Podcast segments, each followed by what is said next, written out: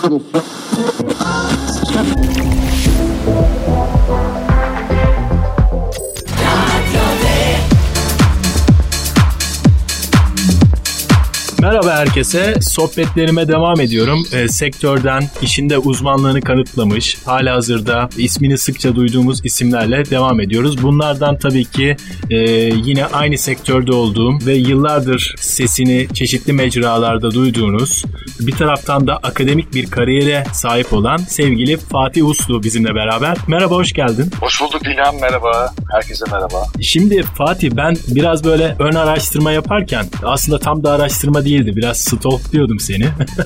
yani sanki böyle bir e, fanınmışçasına böyle e, değişik bir bilgi bulur muyuz diye böyle arkadaşla konuşurken. Neler çıktı acaba merak ediyorum. Yani e, senin CV'ni buldum ben. Öyle mi? Aa. Ya.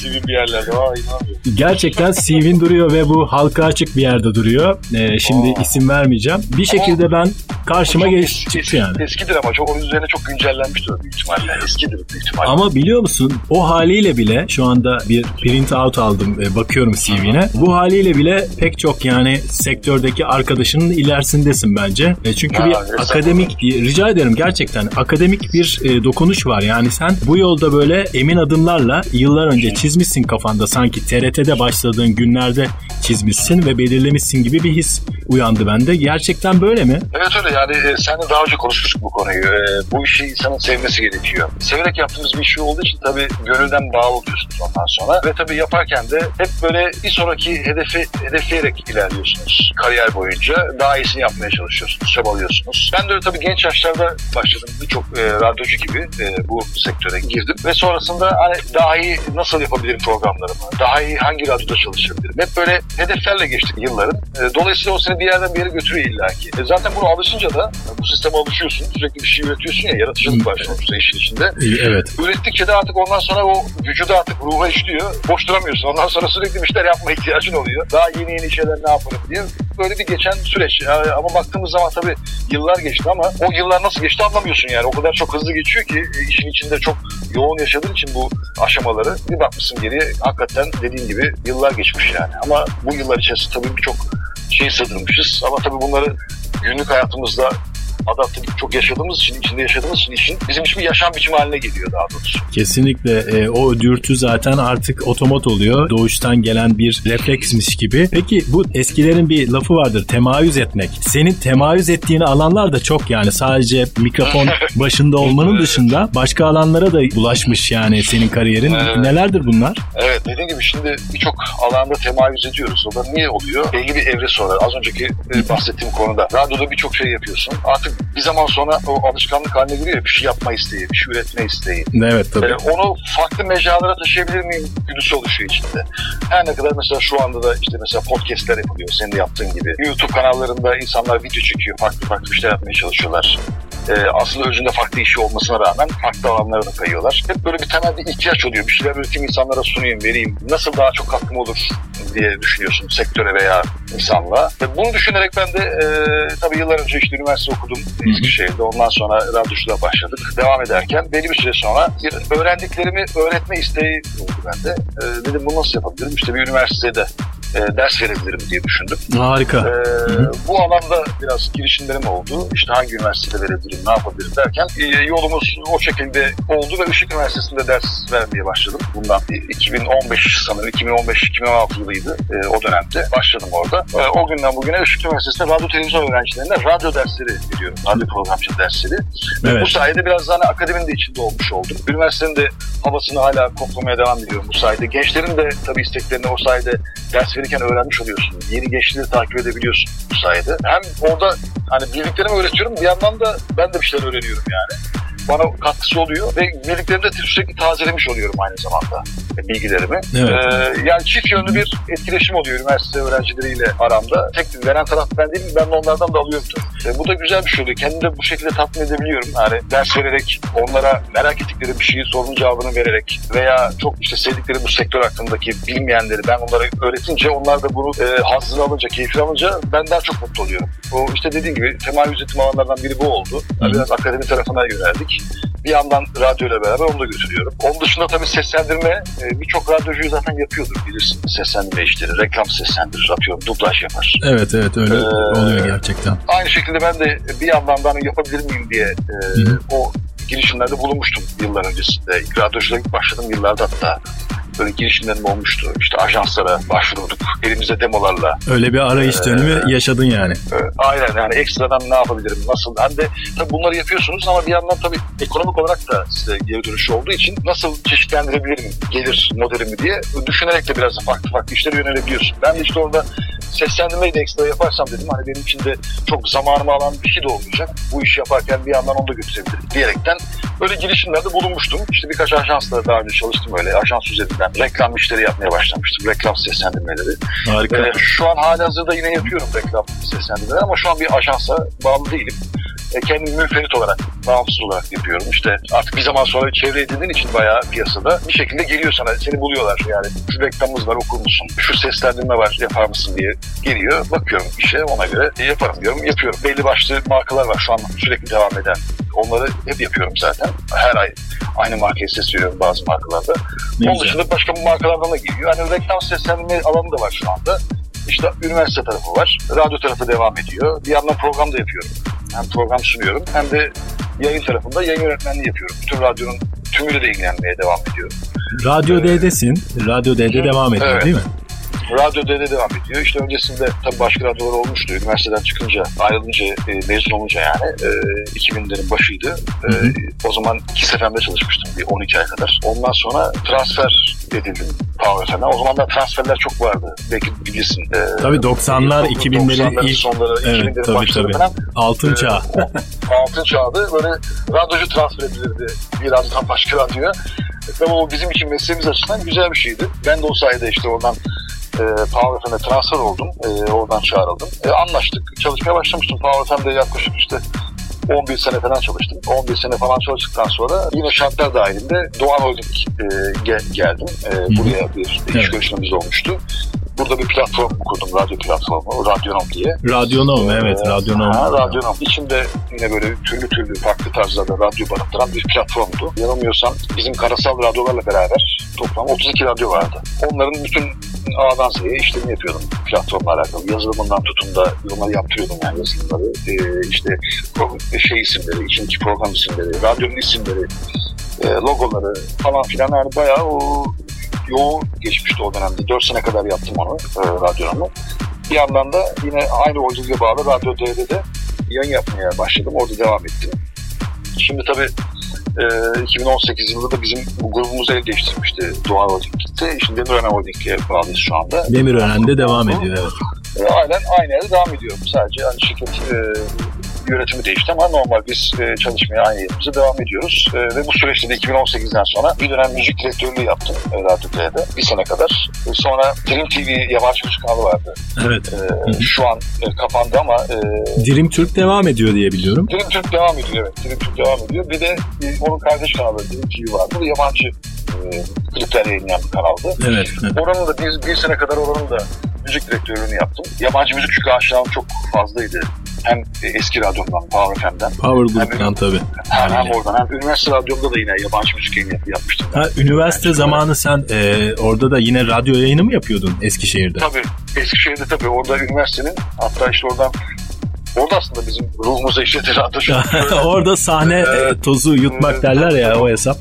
Orada oldu. Yani radyoda da Evet. merakımız var. 90'lı yıllarda çok radyo dinlerdim. Tabii 94'te zaten özel radyolar çıkışıyla birlikte Radyo D de zaten başı çeken e, markadır.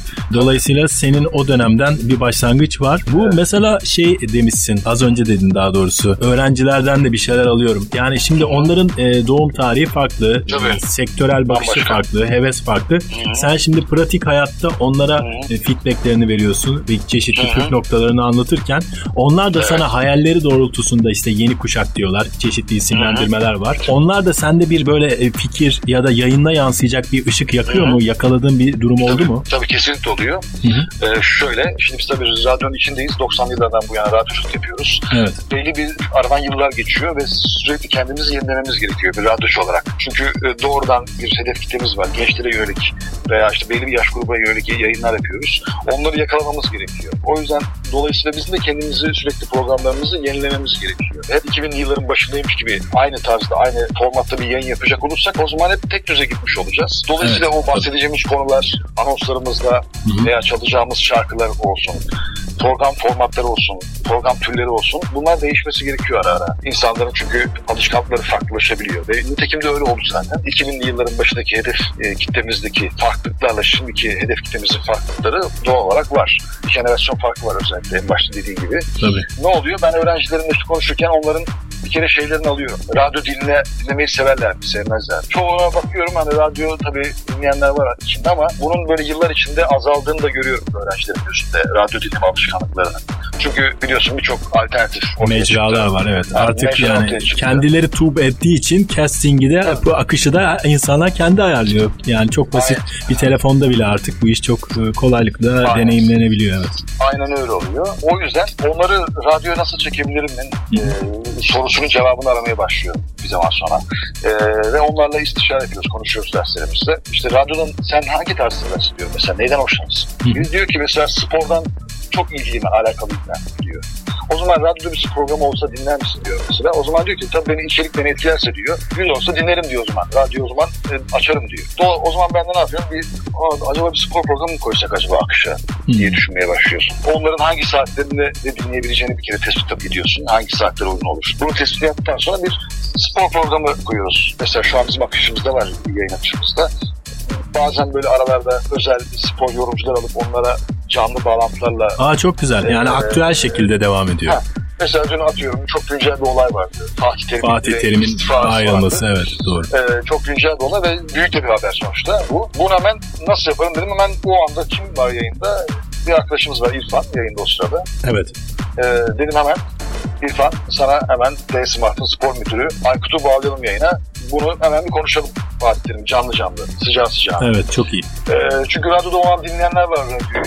Ee, müzik dinliyor bir yandan da İrfan'ı dinliyor. Hı-hı. Ama yeni bir haber var, yepyeni bir haber var, haber var. Bunu kaçırmamak gerekiyor. Biz de hemen o anda dinleyenlere spordan da böyle değinerekten güncel konuyu aktarmış oluyoruz ve böylece sporla ilgilenen kişileri de yakalamış oluyoruz. Hiç frekans değiştirmesine gerek kalmadan yani butik haber kanalı gibi o an spot anlık bilgiyi verip Hı-hı. şey gibi bundle gibi yani bundle'da nasıl flash haber geliyor ekrana e, bildirim geliyor onun gibi. Yani bunu tabii e, yayının başındaki akıştan sorumlu insan olarak yani yayın müdürünün düşünmesi çok iyi.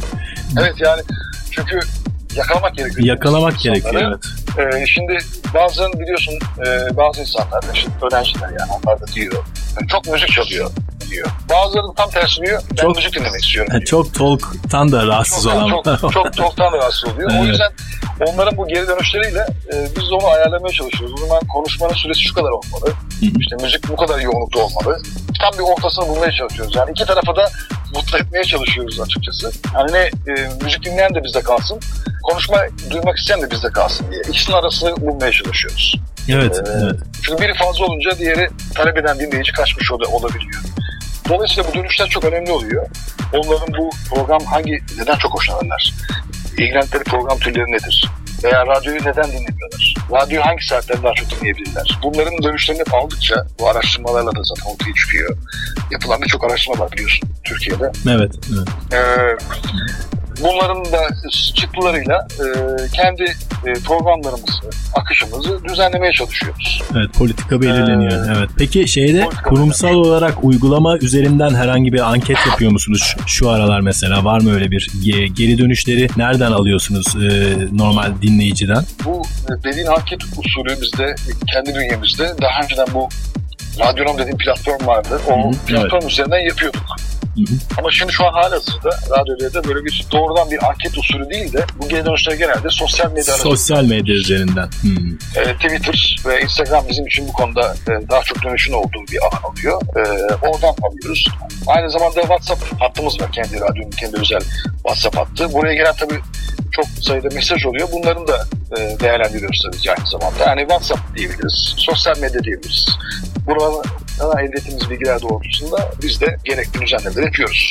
Yani her eleştiriyi, her öneriyi dikkat alıyoruz, almaya çalışıyoruz. Şimdi senin montaj, ışık bilgilere de hakimsin diye biliyorum. Major kanallardan birinde de çalıştığını görüyorum şimdi incelemem sonucu. Yani e, müzik alanı dışında da e, bir program sundun mu kariyerinde? Müzik dışında program e, sunmadım. Daha önce Dream TV'de işte e, program sunmuştum. Özel röportajlar yapmıştım. Evet. Ama e, normal bir sunucu olarak e, major kanallarda bir e, program deneyimim olmadı. Ve aslında şöyle bir şöyle diyeyim yani öyle bir çok isteğim olmadı yani o tarz oraya yönelmek konusunda. E, televizyonda program yapmak bana peki yapabiliriz yani üstesinden gelebiliriz ama işte radyonun içinde çok yaşadığımız için bütün hayatımız, yaşam biçimimiz radyo içerisinde geçtiği için de tamamen kafamızı radyo odakladığımız için orayı böyle kenarda bıraktık. Radyoda yani, ama yani e, görsel medyanın da ön planda olmasıyla işte YouTube vesaire başka e, mecralar artık daha görünür oradaki insanlarda. Yani ben e, çocuktum hatırlıyorum işte Cem Cemina'nın sesini e, böyle kafamda çok Amerikan vari e, bir adam olarak ki, evet yani eşittir doğru çıktı mesela yani hani evet. Bay J'yi dinledik 2-3 yıl arabada gidip gelirken e, Bay C'ye de çok böyle zaten hani e, internasyonel bir adam çıktı. Aynen. Ee, Ama lanet olsun yani. diyorsun bir film repliği gibi yani adam bana sıkıyor diyorsun ki bir dizi Hollywood yıldızı gibi düşünüyorsun. Kafanda yaratıyorsun onu aynen. O yıllarda radyonun bir gizemi vardı. Tabii e, böyle sosyal medya olmadığı on, yokken yani öncesinde. Evet. E, dediğim gibi hayal ederdik. Kafamızda canlandırdık. Acaba nasıl bir tipi var, nasıl bir tarzı var diye. E, hayal kurardık. Yani o da aslında kafamızda bir kahraman canlandırıyoruz orada. O kahramanı seviyoruz. O kahramanı her gün dinliyoruz. E, o yüzden ben öğrencilerime onu derim zaten. Siz bir kahramansınız. Radyonun başına geçtiğiniz zaman kendiniz olmanıza gerek yok yani. Ben atıyorum e, adım Mehmet. Hı hı. Çıkıyorum evet. yayında. Ben Mehmet değil. Kendi özel hayatımı anlatmama gerek yok. Orada bir kahramanı canlandırabilirim. Olmasın o dışarıda nasıl mesela konuşuyorum. Sıradan bir konuşma e, tarzım var ama radyoda e, daha farklı bir karizmatik bir cool havayla konuşma yapabilirim veya farklı bir tonlama yapabilirim farklı bir kişi karakteri canlandırabilirim. Tabii orası bir sahne. Yani orada bir artık sahne, bin bir çeşit aynen. karakter çıkabilir insandan. Aynen dediğin gibi bir sahne, bir tiyatrocu gibi düşün. Tiyatrocu aynı kişi ama her oyunda farklı bir karakteri canlandırıyor. Dolayısıyla o kişi o değil aslında ama farklı karakteri canlandırıyor. Radyo da aynı şekilde böyle.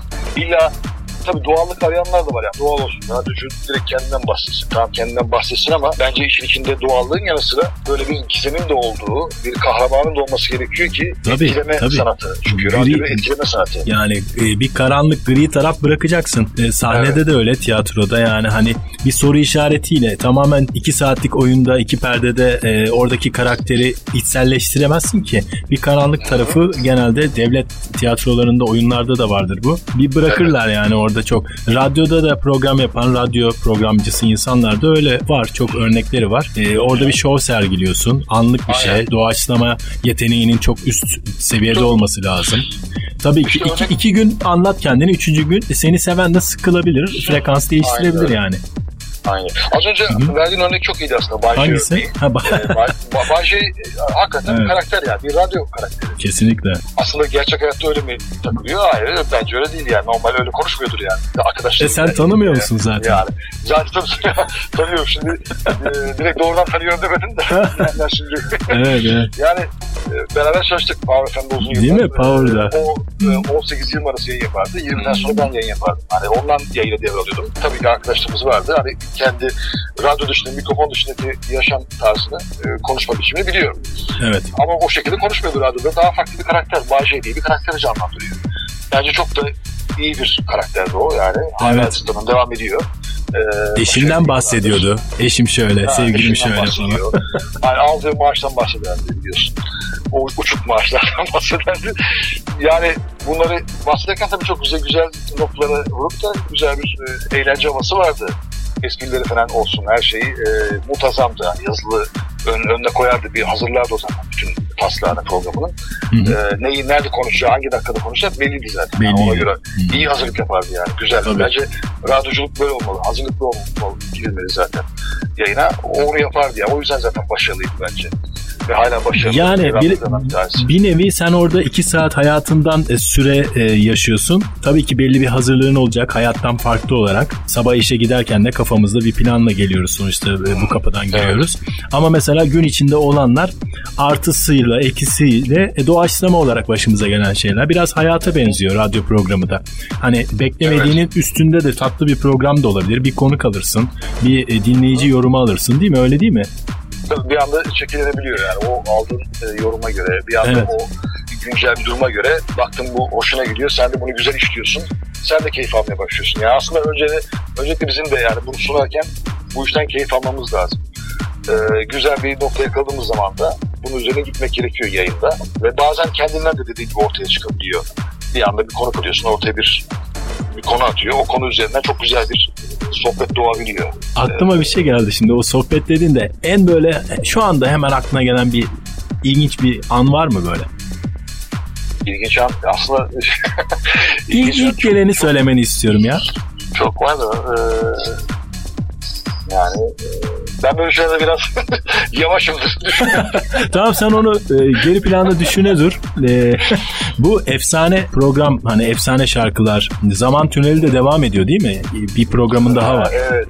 Evet Radyo D'de ben normalde hafta her gün e, 2'de yayınım var. 2'de başlıyor öğleden sonra 4'e kadar. 4'e kadar. Normal müzik, müzik yayın yapıyorum ama bazen bu program içerisinde gündüz e, özel konuklarım olabiliyor. Bazen bir proje kapsamında yayın aracımızla bir yere gidip bir başka şehirden yayın yapıyoruz e, oradan konuk alıyoruz. Dinleyici konuk alıyorum veya bir, oradan yetkili birini konuk alıp ondan şehirden bahsediyoruz. Evet. Veya bir sanatçı alıyorum konuk alabiliyorum. Veya başka bir yazar konuk alabiliyorum. Bu tarz şeyleri oluyor e, hafta içi gündüz programında. E, biraz sürpriz geçen bir program yani bu. Hediye oluyor bazen. E, işte bazen işte konuk oluyor. Müzik ağırlıklı zaten geçiyor. Hafta sonları da liste programı sunuyorum Top 20. Hı hı. O da haftanın işte biliyorsun en iyi 20 şarkısı diye e, 20'den bire geri seviyorum onu. Onun dışında cumartesi akşamları da Zaman Tüneli senin dediğin 90'lı yıllar programı. Çok keyif aldım program. Değil mi? E, zannederim evet. Sen de en e, heyecanla beklediğin gün bu olmalı. Aynen öyle. Cumartesi. Önceden hafta içi her gündü e, yapardım programı. Ama şimdi hem gündüz hem akşam yayını biraz bir de tabi e, almış olduğum görevlerden dolayı yayın yönetmenliği devam ettiği için bir yandan. Evet. Günde iki programa çok fazla beni çok yoracaktı yani. Daha çok daraltacaktı iş yoğunluğu açısından. O yüzden hafta içi değil artık sadece cumartesi günleri yapıyorum zaman tüneli. Gerçi zaman tüneli hayranları, dinleyicileri e, çok ısrar ediyor, yazıyorlar. Hafta içi de olsun hala e, 6 gün devam etsin diyenler var ama şu an e, hala bir gün devam ediyor. Belki e, sonradan arttırabiliriz. Ama e, senin de dediğin gibi benim çok keyif aldığım bir program bu 90'lı yıllar. Çünkü zaten o yılları yaşadığımız için 90'lı yıllarda radyoculuğu, evet. radyoları dinlerdik ve o şarkılarla büyüdük zaten. Evet. Ve o şarkıları çalarken de ister istemez zaten o eski günlere, hatıralara, anılara dönüyorsun. Tabii kendinden ee, bir şeyler paylaşarak, hissederek, e, aynen. Ya, belki de düşünerek zaten anonslarını yapıyorsun evet. seçimlerini. Mesela 96 yılında Hı-hı. çıkan bir albümden bahsediyorum. Onun hikayesinden bahsediyorum. O hikaye aslında ben yaşamışım zaten. 96 yılında o hikaye yaşadığım için çok iyi biliyorum. Bildiğim şeyi anlatıyorum aslında orada atıyorum araba şarkısı Mustafa Sandal. İlk çıkışı çıktığı günün nasıl... Değil mi? Ortaköy'de duvarı boyamışlar önünde aynen, çekmişti. Bütün olan her şeyi orada direkt e, anlatabiliyorsun yani. Bir internete girip de araştırma yapmana gerek kalmıyor. Zaten yaşadın biliyorsun ya. Evet. Daha rahat oluyor. Seviyorsun. Doğru. Dönem insanı yıllara, olunca. Evet. Bir anda o yıllara gidiyorsun. E, geriye dönüyorsun. Analara gidiyorsun. İşte o e, programda hep şey derim zaten e, dinleyicilere anonslarında. İşte kimlerimiz bu şarkılarla anılara doğru yolculuğa çıkıyor. İşte kimilerimiz de işte yeni jenerasyon da bu şarkıları ıı, dans çok sonra doğmuş olan gençler de e, bu şarkıları yeniden keşfediyor. Yeniden keşfediyor. Evet. Çünkü onlar da keşfediyor ve keşfetten sonra çok da seviyor zaten. Şu an bakıyorum 2005 doğumlu kişiler 90'lı yıllara yaşamamasına rağmen o yılların şarkılarını çok seviyor. Doğru. 2000 yılından doğan yani sonra kişiler mesela şu an 20 yaşında olan kişileri bazal e, hatta etrafa baktığımız zaman e, eğlence mekanlarına baktığımız zaman genelde görüyoruz 90'lı yılların şarkıları çok çalınıyor ve 90'lı yıllar geceleri yapılıyor. Tabii tabii. tabii. Hakan Köfündür ee, yıllardır o işten ekmek yiyor en basit. Evet, Hakan arkadaşımız çok sevdiğimiz. Evet çok severim ben de. Evet, Mesela e, kitlesine bakıyoruz. E, oraya 20 yaşında, 10, evet. 19 yaşında insanlar geliyor yani. Hı hı. E, Doğru. Onlar 2002 doğumlu, 2003 doğumlu, 2004 doğumlu kişiler ama o yılların şarkılarıyla eğleniyorlar. Tadı alıyorlar çünkü ee, canlı kayıtlar çoğunluğu. Herkes o dönemde yeni bir şey yapmanın peşine düşmüş. Öyle bir rüzgardı o. Sezen Aksu'nun Hadi Bakalım'la birlikte başlayan Tabii. rüzgar. Yani muazzamdı ya. Her yani orada e, her çıkan şarkı, her sene çıkan şarkı e, gerçekten e, muazzam olarak e, bünyemize işlemiş, çok sevmişiz yani. Öyle. E, hiç unutamıyoruz, unutamadığımız şarkılar o yıllardan çıktı.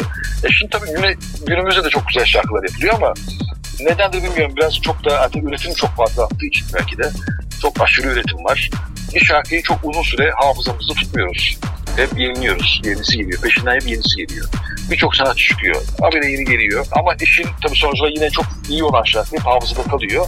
Öyle. Ama tabii 90, evet. 90'lar ayrı onlar hepsi kalmış hafızamızda. O dönem yani. tabii romantik dönemler yani daha her şeyin daha böyle Tabii, bu kadar keşfedilmediği e, durumlar var. Öğretmenlerimizde kaset dinlerdik o zaman. Ya yani değil mi? Meraktan yani kulaklığımıza takıp böyle yolda yürürken falan. Ee, o yüzden hepsini iş e, keyfine varmışız yani. Onlar unutulmaz şeyler tabii. Şimdi biraz daha her şeye ulaşmak çok da kolay ya. Evet. Belki de ondan bilmiyorum. Şöyle yani. bir bu... yani evet öyle gerçekten. Şöyle basit bir örnek vereyim ben. Walkman'de mesela işte e, yeni albüm çıkmış Tarkan'ın diyelim. ikinci albümü. Onu dinlerken veya Selam Ver'i dinliyorsun. Selam Ver şarkısı ilk albümden. Hı-hı, Karşından evet. bir kızcağız geliyor. E sen elinde telefon yok artık o dönemde. Bakmıyorsun ki. Dolayısıyla Hı-hı. göz teması açık. Evet. Ve o şarkıdaki durumu yaşayabilme ihtimalin yüksek. Değil mi? Evet, bak, Ama şimdi metroda giderken bile aranda 2 metre yok bir metre veya sen ayaktasın yanında başka bir işte karşı cinsten biri var bakışıyorsun ben. Ama e, telefona baktığın için onu yaşayamıyorsun. Göz teması yok insanlarda. Değil mi? Kitap okuyanlarda metroda görüyorum. O var birazcık. Çünkü hani e, kağıda dokunmak daha doğadan gelen bir madde olduğu için zannederim. O insanlar daha açık iletişime. Telefonu bırakmak gerekiyor biraz. Müzik dinlerken belki onu yapılabilir.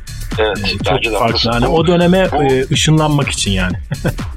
bu güzel bir bakış açısı oldu. Ben bunu programda kullanmak istiyorum izinle. rica ederim. ben de senden esinlendim de şu anda geldi zihnime. evet güzel. Bence de dediğinde evet. çok haklısın. Ee, gerçekten bazen e, telefona kendimizi kaptırıyoruz. Sadece oraya odaklanıyoruz. Etrafımızda olan biteni duymuyoruz. Görmüyoruz bile. Ee, o da bizi herkesin içine kapatıyor tabii doğal olarak. Zihnimizin ee, içinde yaşıyoruz. Bir avatar oluşturdular. Çerçevenin çerçeve de belli. Aynen. İşte dikdörtgen bir cismin içine bakıp duruyoruz yani. Eskiden Aynen kitapmış. Öyle. Şimdi de bu. Aynen. Ama hayat da oradan yürüyor, olay da oradan gidiyor.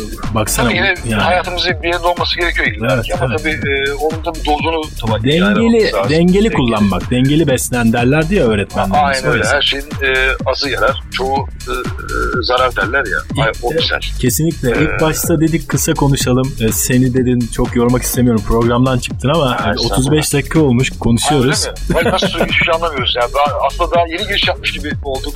Valla açıldık da açıldık yani. yani yani ikinci bir bölüm belki bir süre sonra e, videolu çekeriz olabilir. diye olabilir. ben biliyorum ama bilmem. Olabilir. Ee, istersen bir sonraki aşamada Hı-hı.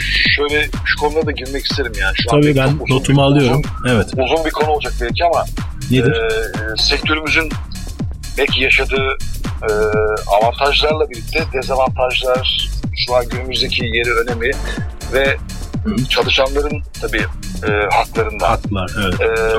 E, sektörün gelişimiyle alakalı e, o grafiğine bakabiliriz. Atıyorum e, artık böyle kronikleşmiş bazı problemler var sektörümüzde. Belki bunlara değinebiliriz. Tabii tabii. E, tamam. Çünkü bunlar konuşuldukça biraz da ortalığa dökülecek ve çözümlenebilecek şeyler. E, biz bunları konuşmazsak kimsenin umurunda değil çünkü yani. Doğru. Bizim doğru. korkmamız lazım. Tabii. Radyocuların kendi, e, herkes kendi mesleğine bana sahip çıkıyor. Biz ama biz radyocular biraz e, hep insanları mutlu etmek için çalışıyoruz ya, yayınımızı yapıyoruz ya, hep pozitif hı hı. E, duygular veriyoruz karşı tarafa.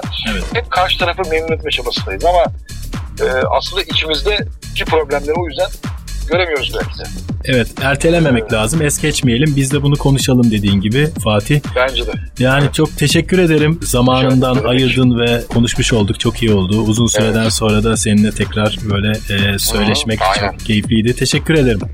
Ben teşekkür ederim. Çok sağ ol İlhan. E, bence de çok keyifli oldu. İleriki bölümlerde yine tekrar tabii ki seve seve konuşmaya devam ederiz. Tabii ki. Kendine çok iyi bak. Başarılar diliyorum. Ee, zaten e, ihtiyacın yok gibi görünüyor. Yıllar Ya, bunu kanıtlamış. Ee, Estağfurullah, çok teşekkürler. harika bir markanın başındasın. Çok Kendine çok sağ iyi bak. Sevgiler. İşte sen de öyle. Görüşmek üzere. Bütün dinleyenlere de selamlar buradan. Selamlar. Teşekkürler. Hoşçakal.